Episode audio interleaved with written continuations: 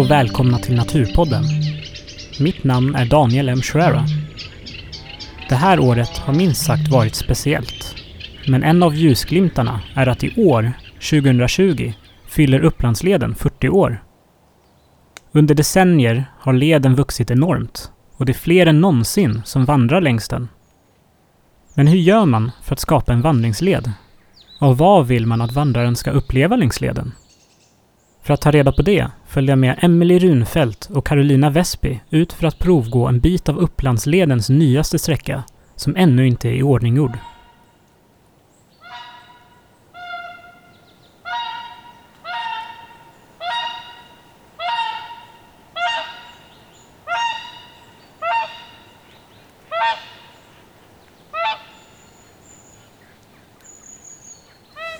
Nu står vi här på en eh, grusväg mitt i, mitt i skogen.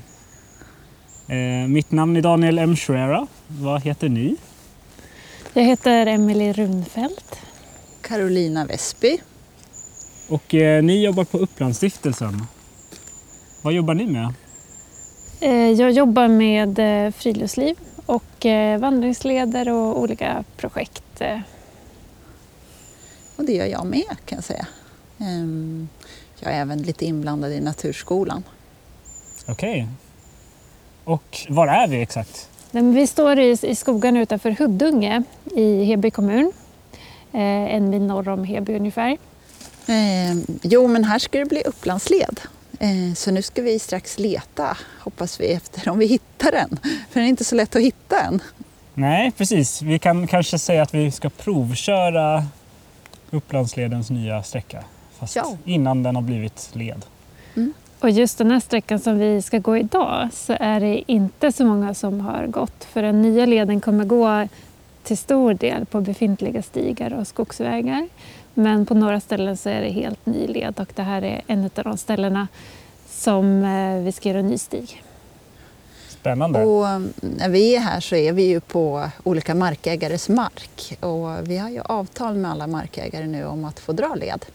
Så att vi har ju rekat fram en sträcka mellan Siggefora och Tärnsjö. Och så har vi avtal med ett 60-tal markägare, eller det är ännu fler. Um, ja, men någonting sånt om att få dra leden. Så det känns jätteroligt.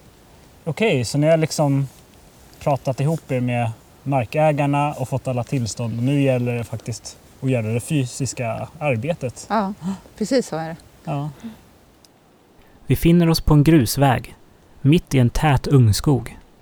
Det är en solig oktoberdag och luften är frisk och krispig. Terrängen är väldigt stenig, med stora stenblock utspridda här och var. Emily berättar att det här är En sträcka som vi har haft lite bekymmer med för att det är ganska oländig terräng här. Eh, blockigt och eh, lite bökigt att ta sig fram. Men vi tror att vi har hittat eh, en väg som man kan ta sig igenom det här. Okej, men eh, ja, man ser ju det. Det går inte att se mer än tre meter in i skogen här från vägen. Men eh, vi eh, beger oss tycker jag. Än syns inga tecken på att Upplandsledens nyaste sträcka ska gå här och vi börjar gå längs vägen för att leta efter en vandringsled i råform. Så det här, det, det vi... Det här vi ska in. Nu Danny då, det, det vi har gjort, vi har ju inte målat den här sträckan än, Nej. men vi har snitslat den gjorde vi i somras, så det börjar vara ett tag sedan nu, men vi hoppas att snitslarna sitter kvar. Så frågan är om du ser någon snitsel här någonstans där vi ska svänga in. Och den gissar jag ska vara orange då. Ja, den är typ orange, den är kanske lite blekt. Men... Ja, ju där, titta! Där, Ja, bra! men där! Wow! Titta där! Den såg inte jag. Och det är ju, En stig nästan. det är ju nästan en stig. Ja, men här i början är det faktiskt nästan en stig. Oj, vad var det Oj. där? En Oj, sork. En sork, titta! Nämen, Det är sorkens stig. ja, är det här verkligen en människoskapad stig, tror ni? Det är väl frågan om det är det. Jag tror kanske att den är djurskapad. Ja, det ser lite ut som det. Så Men det är liksom- djurskapade stigar är ju väldigt bra att gå på. De, de går ju liksom, djuren går ju ofta väldigt smarta stråk. Mm. Så kan man säga att djuren har varit med och planerat Upplandsleden?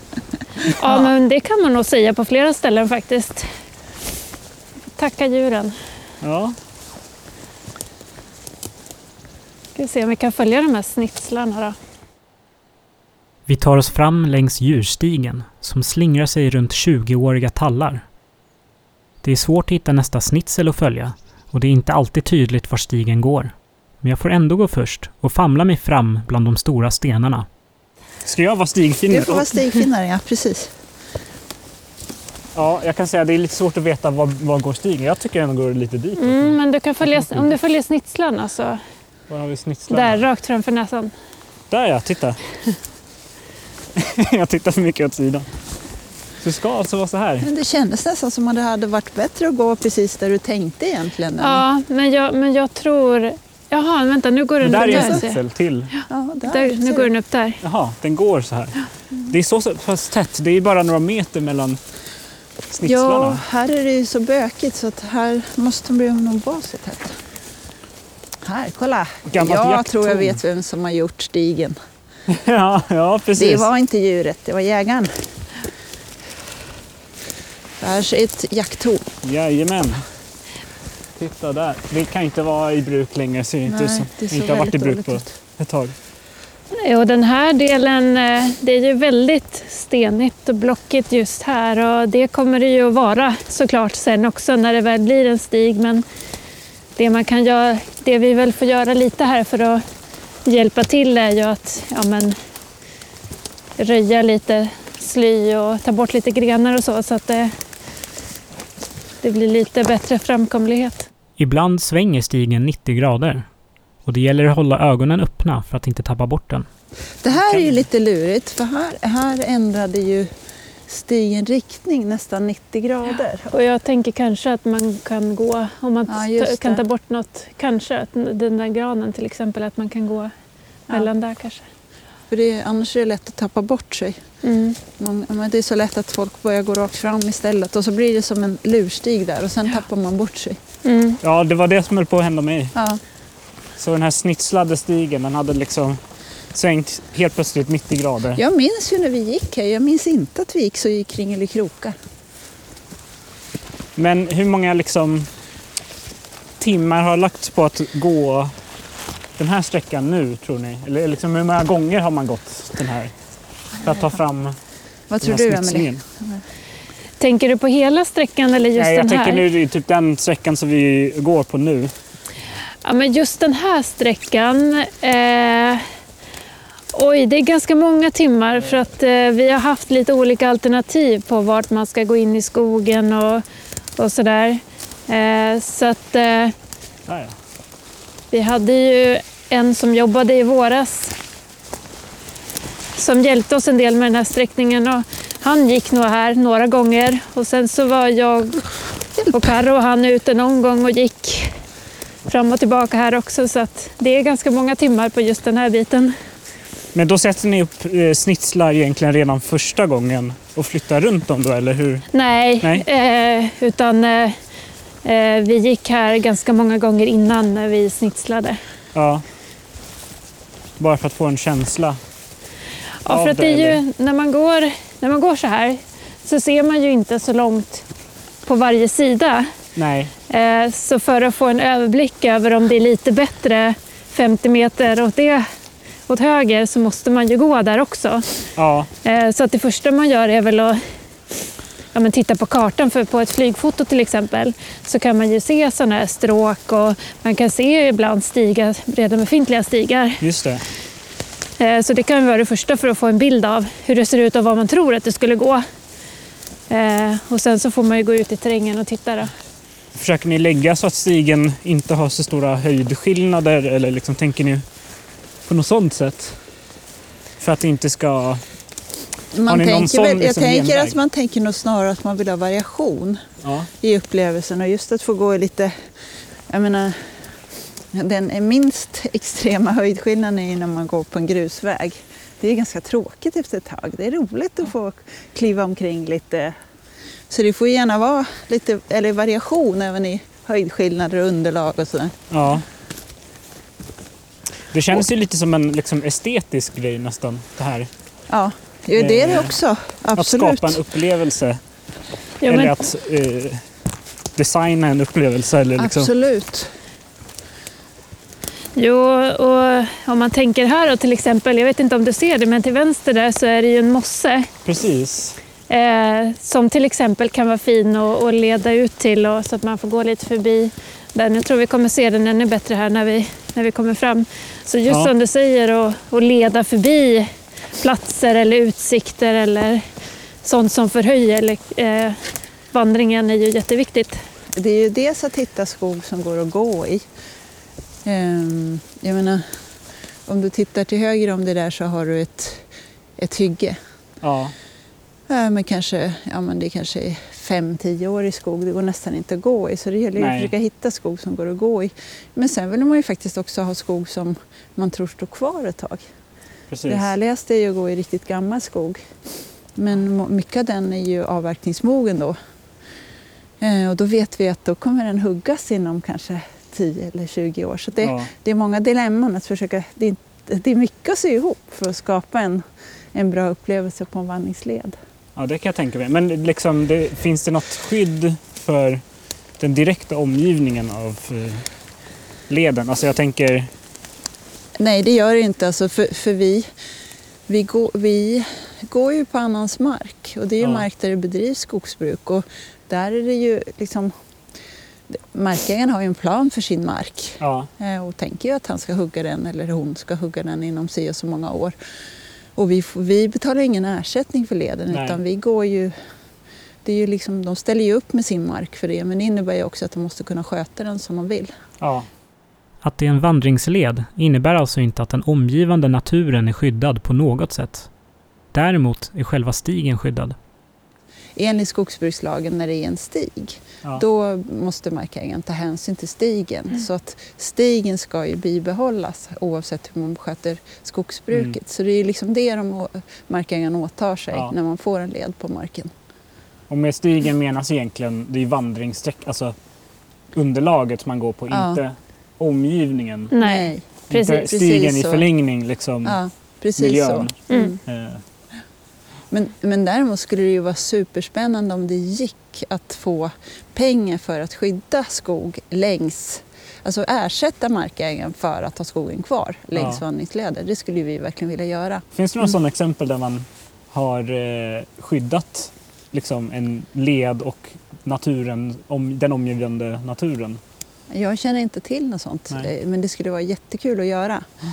Och det- det känns som att det svänger lite. Tidigare har det bara gått att få pengar för biologisk mångfald i skog, men att Ja. det pratas med sociala värden nu, att det kanske framöver kommer gå. Att, att markägaren får en ersättning för att behålla ett litet skogsparti så att människor kan vara där. Ha det Ja, bra. och det kommer ju kanske gynna biologisk mångfald. Nu tänker jag liksom ur en eh, det man pratar om grön infrastruktur. Ja, Att vandringsleder kanske skulle kunna vara en, ett väldigt bra sätt att skapa sån. ja, det skulle Om vara man- jättehäftigt. Mm. Kunde, kunde skydda liksom naturen i anslutning till leden. Då får Mm. man ju stråk som kopplar samman andra områden. Mm. Eh, det vore ju, vore ju något häftigt att se. Mm. Mm. Tar Inte ni inspiration från andra länder och sådär? Eller? Jag känner att vi är väldigt hemmablinda tror jag. Vi, vi liksom bara matar på oss och jobbar Ja. med våra grejer hemma. Det som finns är ju att det finns ett nationellt eh, eh, samverkans... Ja, vad säger man? Eh, alltså det finns en nationell... Ja, men, det, det, jo, men det finns, ett, det, det finns ett, en samverkan mellan svenska låglandsleder. precis. Eh, som har träffar eh, någon gång om året för att eh, ja, men utbyta erfarenheter och nu håller man också på att ta fram ett nationellt ramverk för låglandsleder. Okej. Eh, för att eh, ja, men höja standarden på de leder som finns och få dem lite likriktade. Eh, och det handlar om allt ifrån vad ska det vara för färg på ledmarkeringen till vilken service ska finnas, vilken information ska finnas.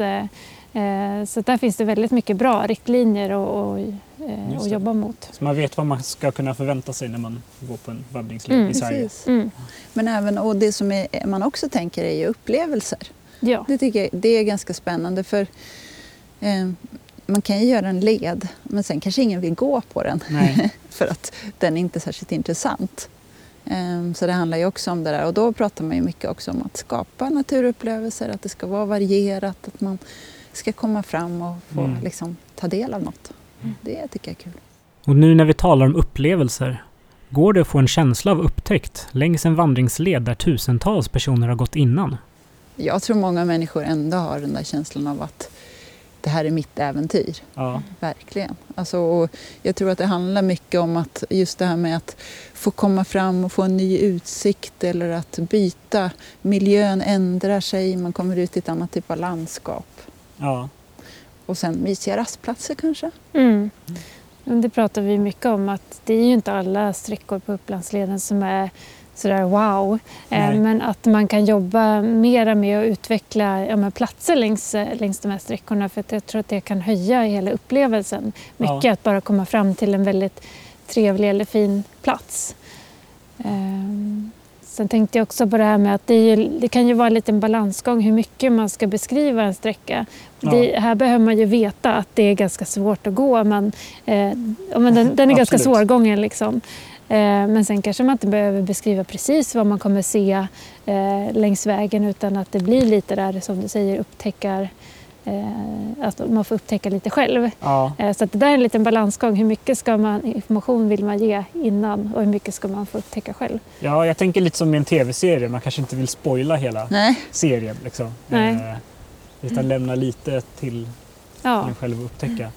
Finns det några sådana exempel där man har jobbat liksom med, med att skapa förutsättningar för att få bra särskilda naturupplevelser. Till exempel man vill främja fågellivet vid någon eh, sjö eller någonting sånt för att man ska kunna se häftiga fåglar från leden.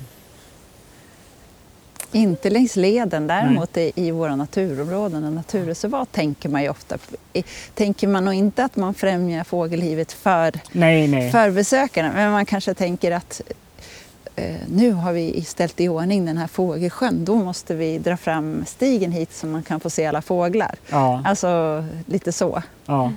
Um, och när vi jobbar tänker vi ju mycket Eh, jag tänker på den här våtmarken som vi jobbar med ute i Öregrund. Då tänker vi ju verkligen, det är en våtmark för fiskyngel mycket och för ja. biologisk mångfald och det blir bete runt om där korna skapar ännu mer biologisk mångfald ja. i, i och med att det blir bete. Eh, och så, så tycker vi att det är superhäftigt om människor också kan få uppleva det där. Ja. Och nu när vi jobbar med den här nya leden så eh, har man ju tänkt lite vilka platser finns här och eh, nu hade vi ju chansen när vi skulle göra en ny led ja. att fundera vilka platser finns och eh, kan vi dra leden förbi de här platserna. Bland annat österut eh, här så ligger ett litet naturreservat som Länsstyrelsen har som heter Ruttagsskogen som eh, inte är så välbesökt. Ja. Eh, det, det, ligger väldigt långt in på, på en grusväg. Men det kommer vi nu dra leden rakt igenom.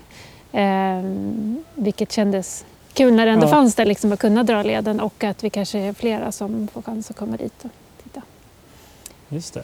Och, och det har vi ju, eller liksom det har ju också varit tanken med hela dragningen av leden att idén från början var ju ett medborgarförslag egentligen. Det var några som kom till kommunen, eller kom från olika håll till kommunen att varför har inte vi Upplandsled i Heby kommun och så här skulle den kunna gå. Häftigt. Ja, ja. och sen har ju vi tittat på de olika förslagen och Emelie har varit ute och provgått jättemycket. Och så till slut så hamnar vi i den här. Men då har det ju varit just liksom, var skulle man kunna få de bästa upplevelserna? Var, var kan man få den bästa vandringen? Och sen så i, men sen i dialog med markägare och i dialog med liksom vad som går att göra. Och sen ja. så till slut så blir det en, en sträckning. Mm. Ja. Och det kanske inte är drömsträckningen man får till slut men, men det känns i det här fallet som mm. att det kommer bli någonting väldigt bra och en väldigt varierad ja. och eh, spännande sträcka. Vad tror ni? Det ser ut som det är lite sol där borta. Ska vi Vi eh, fortsätter fika, vidare eller ska vi... Ja, ja just det. Det måste vi göra. 40 år är ganska lång tid. Mycket har förändrats sedan dess. Hur tänkte man 1980 när den första sträckan av Upplandsleden bildades? Och tänker man annorlunda nu? Jag tror en, en sak som jag tror skiljer sig är att då tänkte man att det var en, man ser väldigt mycket att det var en vildmarksled. Eh, så jag tror man tänkte att man ville att den skulle gå, att det var främst naturupplevelsen och att man eh, tänkte kanske inte så mycket idag så vill vi gärna dra den så att den är nära allmänna kommunikationer. Vi vill dra den gärna så att det är tätortsnära. Så man kan, ja, många kan använda den. Mm.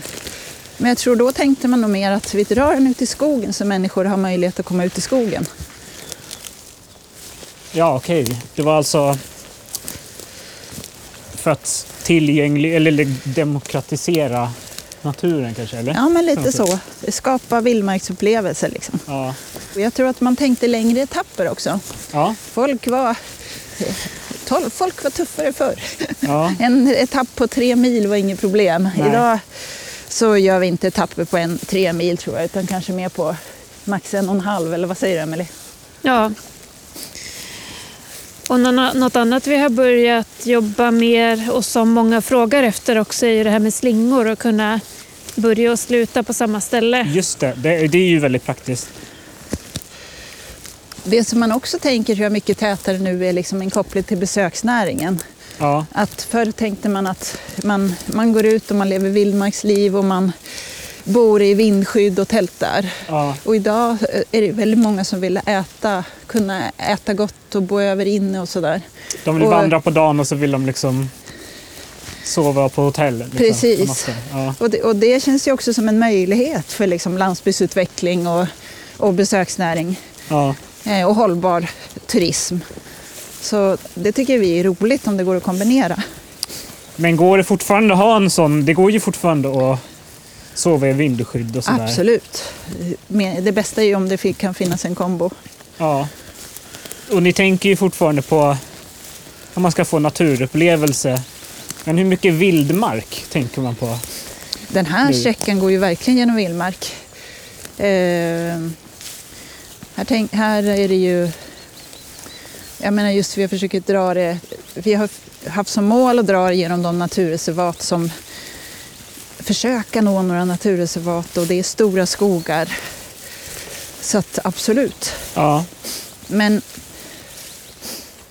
jag, alltså det man tänkte med när man gjorde leden ja. för 40 år sedan var ju också att man verkligen ville visa upp uppländsk natur. Ja. Man ville visa upp liksom representera Upplands natur. Det har man ju verkligen gjort, ganska häftigt faktiskt. Det går ja. genom skogarna, förbi de stora bruken, eh, Dalälven och Mälaren och liksom eh, genom Florarnas naturreservat som är vår största våtmark. Liksom. De har ju verkligen lyckats med att, eller lyckades på ett fantastiskt sätt att visa upp hela Upplands natur. Jo men verkligen. Ser man det på det sättet så, så skapar ju leden en otrolig tillgänglighet till länet. Kan det leda till att det skyddas mer natur i Uppland? Förhoppningsvis så tänker jag att det leder till att man ändå ser att människor behöver natur. Ja. Och att, att i och med att vi blir min... Det är färre människor som bor på landet och färre människor som känner sig bekväma i naturen. Då blir det här med leder mycket viktigare. Ja. För förr hade alla sin egen svampmark eller man kunde åtminstone åka hem till sina föräldrar så hade de den. Eller mormor och morfar. Men nu är det så många som inte har någon egen skog. Eller någon skog, även om den inte är egen, någon skog där man känner sig hemma. Just det. Då blir det jätteviktigt med lederna. Och det kan ju vara lätt att tänka att det är bara att ge sig ut i någon skog men, men eh, har man väl bestämt att man vill ut någonstans så vill man ju veta att man får en bra upplevelse när man kommer dit tror jag. Man vill liksom inte bara chansa på att åka någonstans och hoppas att det ska bli bra.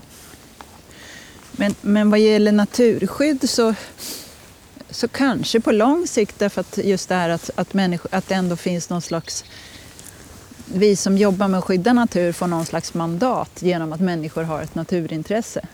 Mm. För om, om det inte finns någon som tycker att det är något värde med att gå ut i naturen då är det väldigt svårt att jobba med att skydda den. Vi fortsätter att gå efter fikat och kommer ganska snabbt fram till nya miljöer. Titta! En spång. Ja men titta, nu kommer vi faktiskt till en spång här. Ja men här är väl mm, en av de få saker vi redan har gjort längs leden. Då. Så på några, några ställen så finns det spänger byggda redan. Ja, för nu är vi ju också vid kanten av den här eh, mossen som vi gick förbi. Precis. Den är fortfarande på vänster sida, men vi har liksom håller på att gå runt den.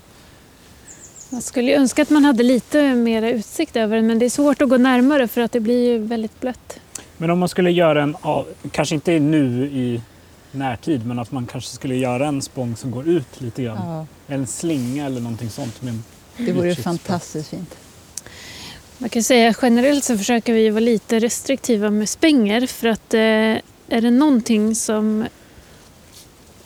behöver ja, men som slits och behöver bytas ofta så är det spänger. Eh, så att om möjligt så försöker man ju dra leden så att man inte ska behöva lägga ut spänger. Just det. Jag började vara ett meståg här men det försvann. Jaha. Så härligt. Men jag tycker det är väldigt fint att man fick gå igenom just det där partiet också. Det blir lite fuktigare. Ja. Eh, sen jag förstår att det är dyrt med spänger men det är ju och det, det, är inte bara att, det är inte bara att det är dyrt, det är också att det blir ju det blir ju väldigt eh, tråkigt. Alltså det ser ju väldigt tråkigt ut och upplevs som eh, men, eh, dåligt underhållet liksom om, om den är trasig. Och, eh, jag vet inte vart jag skulle komma med det. Jo, men, det. men, det är väl att, att det, det, blir, spången blir någonting att, att sköta om och det är jätteviktigt att sköta om den. Och, för om den, den blir trasig eller liksom sliten så, så ser det som du sa tråkigt ut och dessutom blir det farligt. Mm. Ja, så man får ett stort ansvar helt ja. enkelt. Ja. Ser ni att det är en liten stig ja, här? Ja, jag ser det också. Någon det måste, går här. Det måste ju vara några som har gått här. Ja. Men nu, det här, nu har vi kommit in i någon annan typ av natur. Det här är lite äldre granar nu. Ja. Vi har gått från tall till gran, lite högre mark. Fortfarande block My ibland. Men mycket skägglavar, vad roligt. Jättemycket skägglav, ja.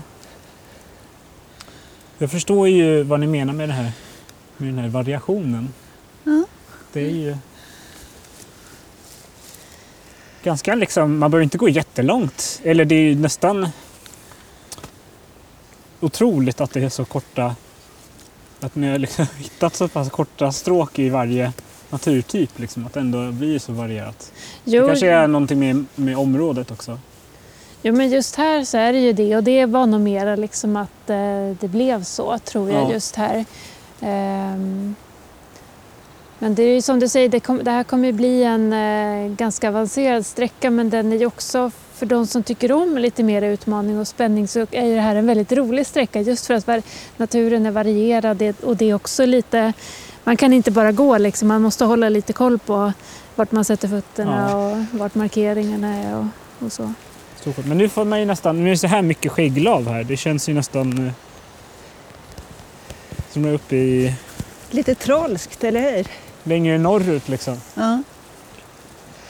Det här är ju, Heby är ju faktiskt Upplands Norrland, det tycker jag. Ja. ja. Här ligger Upplands högsta punkt också, inte så långt härifrån. Okay. Vad är den? 150 meter eller något sånt där. Just det, vad var det den hette nu igen? Jag kommer inte ihåg. Heter den inte Upplandsberget bara? Ja, kanske ja. Mm. Och nu har vi ju kommit ut på en gammal eh, körväg av något slag så att eh, nu har vi gått förbi den här blockiga och svårgångna terrängen. Men snart skulle terrängen bli ännu svårare. Den var väldigt hal. Det här är en bro nu alltså som vi kommer till. Åh, oh, vad halt! Ja, är det här... Och den, här, den här har inte vi gjort utan den var ju här. Ja, den var väldigt hal. Jag ser att du... För ja, men det är halt i sidled, det var lite lustigt. Så ja, man kan göra en, en kullerbytta ner i bäcken här. Så nu har vi kommit till en grusväg till här. Precis, så här går leden en bit här längs grusvägen och sen går den in i skogen igen. Och här gör ju leden en ganska stor krok egentligen, eller hur Emelie? Det blir ju som en... Den, den gör som en bula så här. Ja, Och det beror ju på att för att dra, den inte ska gå för mycket på skogsvägar. Det blir Ja, för mm, det det, naturliga vore ja. att dra den bara på skogsbilväg. Men det, det blir en ganska tråkig vandring. precis. Här går det in här någonstans igen, eller Ja men precis, här har ju inte jag gått in. Men det har Ja, ju men du. där var en snitsel. Så den går väl in där. Men eh, ska vi inte gå in där då? då? Eh, det kan vi göra. För då kan vi Ja, gå in, vi sen blir det ändå mycket det, här väg. är en, det här är en tuff vandring. Det här är ännu tuffare tror jag. alltså jag såg inte att det var en Nej. här. Men, Jag tror att det är här det går in. Jag kommer inte riktigt ihåg. Men jag tänkte på det också, att just det här enorma nyvaknande, eh, intresse, nyvaknande intresset som det har varit för Upplandsleden nu i Ja. år. Alltså som den här Upplandsledsgruppen som finns på Facebook, den är ju växt från Ja men alltså den har blivit tredubbelt så stor eller något sånt där. Ja. Jättesnabbt. Och vi märker ju också att det är jättemånga som är inne på naturkartan och söker information. Ja. Och, alltså, men jag tänker det, det, det skapar ju också ett, ger oss också lite ansvar verkligen att försöka följa upp det. Nej, men det blir högre slitage men också att människor som kanske har lite högre krav också tror jag. För innan så har man nog tänkt att ja, men jag, jag gillar att vara ute i naturen, jag kan ta Upplandsleden. Ja. Men nu är det kanske så att folk vill ha en upplevelse och då provar de Upplandsleden och då jämför man det med alla andra upplevelser. just det. Ja. Man vill ge ett eh, gott första intryck liksom, om Ja. man säger så. Här tror jag att vi ska in någonstans. Precis på andra sidan det här blöta. Om man tar det i, i det långa loppet. Om folk till exempel skulle höra av sig och med synpunkter om att det är för svårt att gå här. Har ni någon princip att, eh, som ni håller fast vid att det ska vara svårt här eller är det så att ni ändå...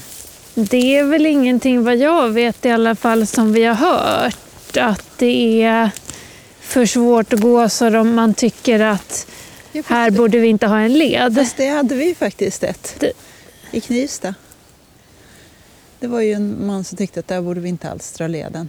Var det För det var ja. så stenigt. ja, men just det. Det stämmer. Ja, det stämmer. Leden fortsätter att ta oss genom olika miljöer. Men vissa miljöer har också förändrats över tid. För det är ju gläntor här egentligen. Det är ju det vi går i, en, liksom en... Ja, man tänkte på det Danny. Nu går vi i en helt annan typ av miljö. Det här skulle jag tro är, det här är gamla igenväxande åkermarker. Ja, Jag, bara jag känner mig lite tveksam till den här i och med att det är så mycket gräs. Och... Eller jag vet inte, vad tänker du? Jag håller med. Jag har varit med här och tittat. jag gick här med Jochen och det var jättesvårt. Det är antingen väldigt stenigt eller så här. Man kan säga att det är vissa röjningsbehov här. Vänta. Är det inte den där? Nej. jag Alltså, vi ska upp till höger här någonstans. Jag är lite nyfiken på vad det är. Det, sitter, det är en precis bakom mig här Ja, det är framåt här. Ja, jag Ja, kan det, inte nej, se men det är ju en där. Ja, där. Här är det snitslar. Håller lite avstånd här. Till Oj, min mössa då. Här går det upp. Men man kan väl säga att den sträckan vi går nu och har gått, det är ju den bökigaste på hela den här nya leden. Visst, det är ju bökigt, men det är ju roligt också. Men Ja. man, kan, man kan ju säga att bortanför här så kommer man komma in i en helt annan typ av eh, natur. För Ja. då kommer leden gå till stor del längs med åsen som går där. Okej. Så där är det ju väldigt lättgången terräng. Det är de här glesa tallskogarna. Ja, Här är det så häftigt också med alla de här vita stammarna på höger ja sida. precis. Det är verkligen bara... Det är bara en liten eh, krans av löv kvar på björkarna där uppe. Sen är det bara nakna stammar.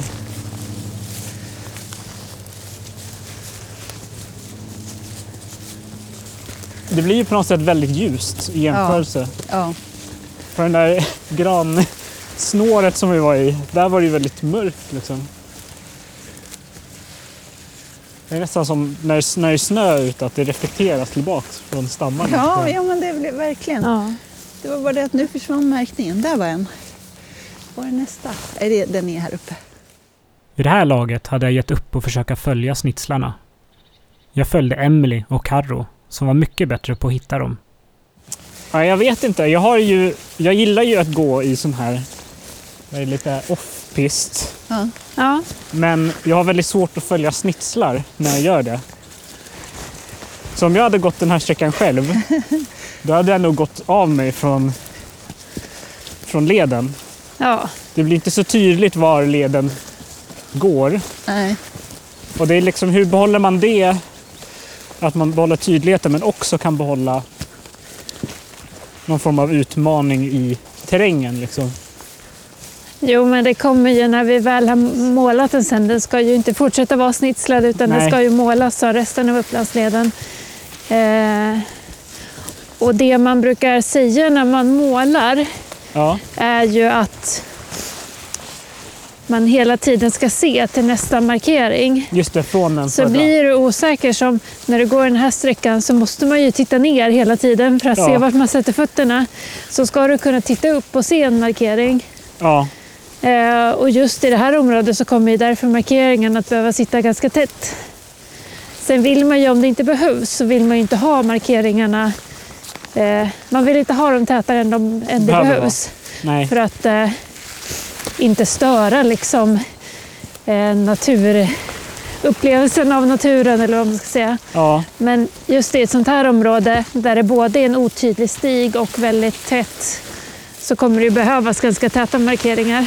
ja, Vi börjar vandra tillbaks längs en grusväg och vi tänker tillbaka på hur det var att gå den nya sträckan. Och på hur svårt det var att följa stigen. Snitslingen, den har jag lite, inte så jättelätt att följa. Men eh, jag hade nog, om jag hade gått här själv så hade jag inte märkt att det var ett problem förrän det var för sent. Då hade jag gått bort mig redan från början. Liksom. Men eh, det var ju väldigt kul, måste jag säga, Ja. att gå. Som den är nu. Att den är lite sådär o... Eh, den är inte utvecklad på det sättet som som man tänker sig att eh, en vandringsled brukar vara. Utan det känns mer som en, den här djurstigen som vi Ja. pratade om i början. Men hur tror ni det här kommer se ut om eh, tio år? Den här leden. Liksom. Då hoppas vi ju att det är väldigt vältrampat och Ja. att det finns flera jättefina rastplatser och att vi, har, att vi berättar om kulturen på många ställen. Vad tänker du, Emily? Jo, men jag, jag tror inte att det här kommer bli en av de mest vältrampade delarna av Upplandsleden. Eh, men jag tror ju att det är många som kommer gå här för att få det. Just för att det är den här vildmarkskänslan i, i den här sträckan. Och sen tror jag, jag tror att det är många som kommer gå här just för att det är en ny del också. Det är ju faktiskt väldigt många som har gått många delar av den befintliga leden eh, som har sett fram emot att gå den här nya sträckningen. Men jag kan nog tänka mig ändå att liksom, när den är färdig så kommer ju mycket av det vi har upplevt nu, det kommer ju vara annorlunda. Ja, Ganska så annorlunda ändå. ja. Det kommer det vara. Det kommer vara antagligen lättare att gå, gissar jag. Snarare än svårare. Ja, Eh, Det blir inte samma närvaro i varje sekund som man är i nu, för nu måste man ju titta hela tiden. ja, På sten och på snitslar och på runt omkring sig, utan då blir det ju mer det där meditativa som vi pratade om, att man bara går längs en led. mm. Hela den här nya sträckan är ju fyra mil ungefär. ja, Så vi har ju bara gått en liten del nu och vi har ju gått den som den svåraste. ja, Så är det längs eh, alla de övriga sträckorna så är det ju väldigt lite man behöver göra egentligen. Eh, när det gäller liksom röja och, och fixa till Just själva det. stigen. det är Liksom. bara märkningen egentligen. Där är det mest märkningen, ja precis. Och några spänger på några ställen. Ja, Så att det är ju just längs den här sträckan som man behöver göra lite större eh, grejer för att öka framkomligheten. ja. Nu har vi provgått lite av Upplandsledens nyaste sträcka.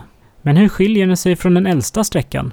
Den som invigdes 1980 och som går mellan Sunnersta och Fjällnora? Vi tar oss tillbaka till Uppsala och till den stadsnära Lunsenskogen. Det är en annan ljudbild här tycker jag. Ja, Det är lite annan ja, ljudbild ja det var ju här många tycker jag. motorer här omkring. Ja. Och här är det ju nästan som en det är nästan som en väg vi går på, Ja, fast det är en mycket- stig. Ja, precis. Det är en en och en halv, två, nästan två meter bred, en och en halv i alla fall, stig. Perfekt underlag liksom. Lite som när man gick på de här eh, grusvägarna. Fast ännu bättre på något sätt. Ja, det är barrat. Ja. Mm. Och skyltar finns det också. Här är det inte liksom bara en väg utan man delar sig. Här är inga snitslar att Nej. följa. Ja, men det är lite annan känsla här. Det här känns ju mer som när man går i Stadsskogen till exempel. Lite mer... eh, Det är en annan miljö just att det är mycket större träd. Ja. Det är några enorma tallar här. Verkligen, det måste vara otroligt växtligt här. De är gamla också. Nu har vi gått 100 meter in och vägljudet har ju redan blivit ganska begränsat. Här är otroligt mycket människor som rör sig här. Vi, vi har ju försökt räkna besökare i Lunsen. Ja, Och då när vi gjorde ett överslag så räknade vi med att det var ungefär 10 000 besökare per år. oj. Och um, om man tänker sig nu det här år, pandemiåret så har det ju säkert, jag skulle gissa att det har dubblats. Ja, Alltså jag tycker man ser på den här stigen, Eh, nu var det ganska länge sedan jag gick här, men det är ju verkligen som en väg som leder in här i, i Lunsenskogen. Eh, jag vill ju minnas ändå när jag gick här sist att det var vältrampat men inte, inte så här. Sen måste man ju säga, det här är ju en annan miljö. Det kommer ju inte se likadant ut i eh, Huddunge på den sträckan som det gissar jag i alla fall. Det är Nej, men det, här, det här är ju naturreservat eh, och, och gammal skog. Och där hade vi ju många olika åldrar på skog och en mycket stenigare skog också. Ja, Här är det faktiskt lite mer kuperat också, Ja, just det. märker man. Det är en uppförsbacke här. ja. Får ni någon vildmarkskänsla när ni går här? Då? Nej, inte just nu. Men när man kommer in i Lunsen tycker jag absolut man får det faktiskt. Det är ju en fantastisk skog. Jag undrar vad man tänkte först när man gjorde den här första sträckan. Jag tänker att man ville verkligen att folk skulle gå från stan ut igen och få uppleva Lunsen. Ja, Så tänkte man kanske att man skulle till friluftsområdet Fjällnora för att kunna ta sig liksom upp mot bruken sen. Ja. Det skulle vara... Jo, för man måste ju haft någon plan. Det tog ju bara faktiskt fyra år. Eh, om den här invigdes då 1980 så fyra år senare så invigde man hela den här första etappen från Sunnersta ända upp till gränsen mot Gästrikland nordväst om Älvkarleby. Eh, det är ändå man- mycket att inviga så snabbt. Ja. Det, är helt, det är otroligt imponerande. Det skulle vara jättespännande att veta hur, hur de gick tillväga. Precis, men jag tänker att man måste ju ha haft... Man hade ju säkert... Redan när den här invigdes så visste man väl säkert hur man ville dra Ja. resten av leden också. Vad var det för vandrare de, de skapade den här leden för? Ja, men alltså, de som, initiativet tror jag kom från Friluftsfrämjandet från för, första början. Mm. Så då, då tänker jag att de kanske tänkte själva att de var några av de vandrarna. Målgruppen? Att det var målgruppen, ja. var friluftsintresserade människor som ville röra sig i landskapet. Säkert. Och sen kom ju Sörmlandsleden kom ju lite, lite före Upplandsleden. Så att det man kände här var väl att man vill också ha den här långa låglandsleden norr om Stockholm. Det är så vackert.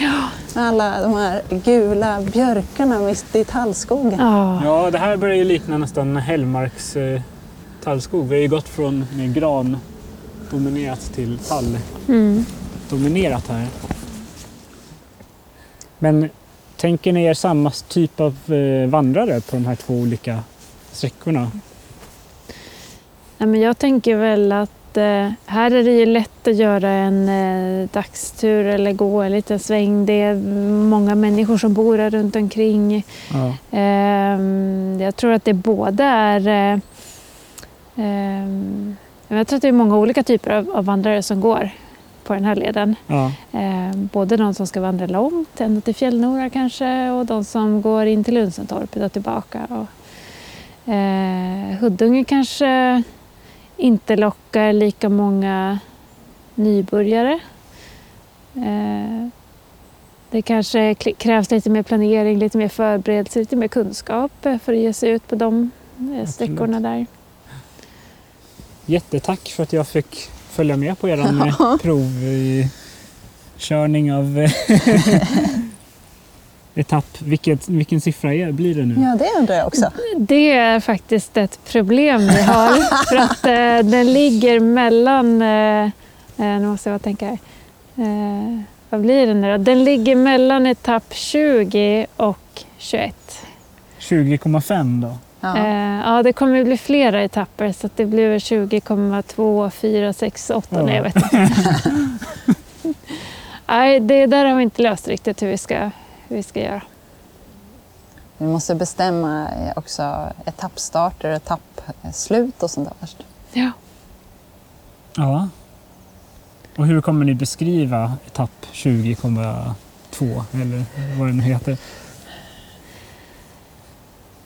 Nej, men det, in, det kommer vara en etapp innan den. Man kan säga att eh, den här, hela den nya sträckningen kommer ju bli fyra mil. Den kommer gå mellan Siggeforasjön och eh, Östa naturreservat. Ja. Eh, så att innan man kommer dit till Huddunge där vi var idag så har, är det ju eh, en, en, annan, en till sträcka. Ja, men, vandring, men vad ska vi beskriva det som? Vandring genom stora skogar, ehm, förbi små sjöar, naturreservat och upp på åsen. Ehm, alltså en, en, en spännande naturupplevelse, tror Ja. jag faktiskt. Och varierande. Det är Mm. väl, väldigt olika karaktär på första och andra halvan av den här sträckan. Ja. Men kul att få vara ute. Tack. Ja, det är- jätteroligt. Vilken lyxdag.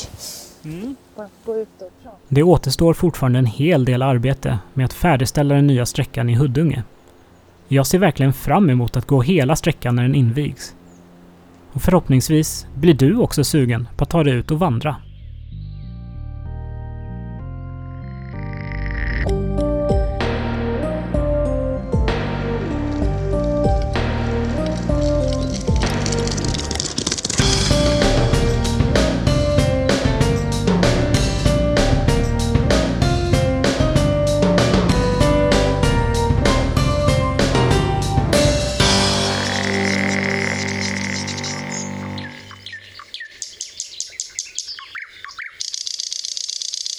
Vi på Naturpodden önskar dig en god jul och ett gott nytt år. Vi hoppas på att släppa fler avsnitt nästa år.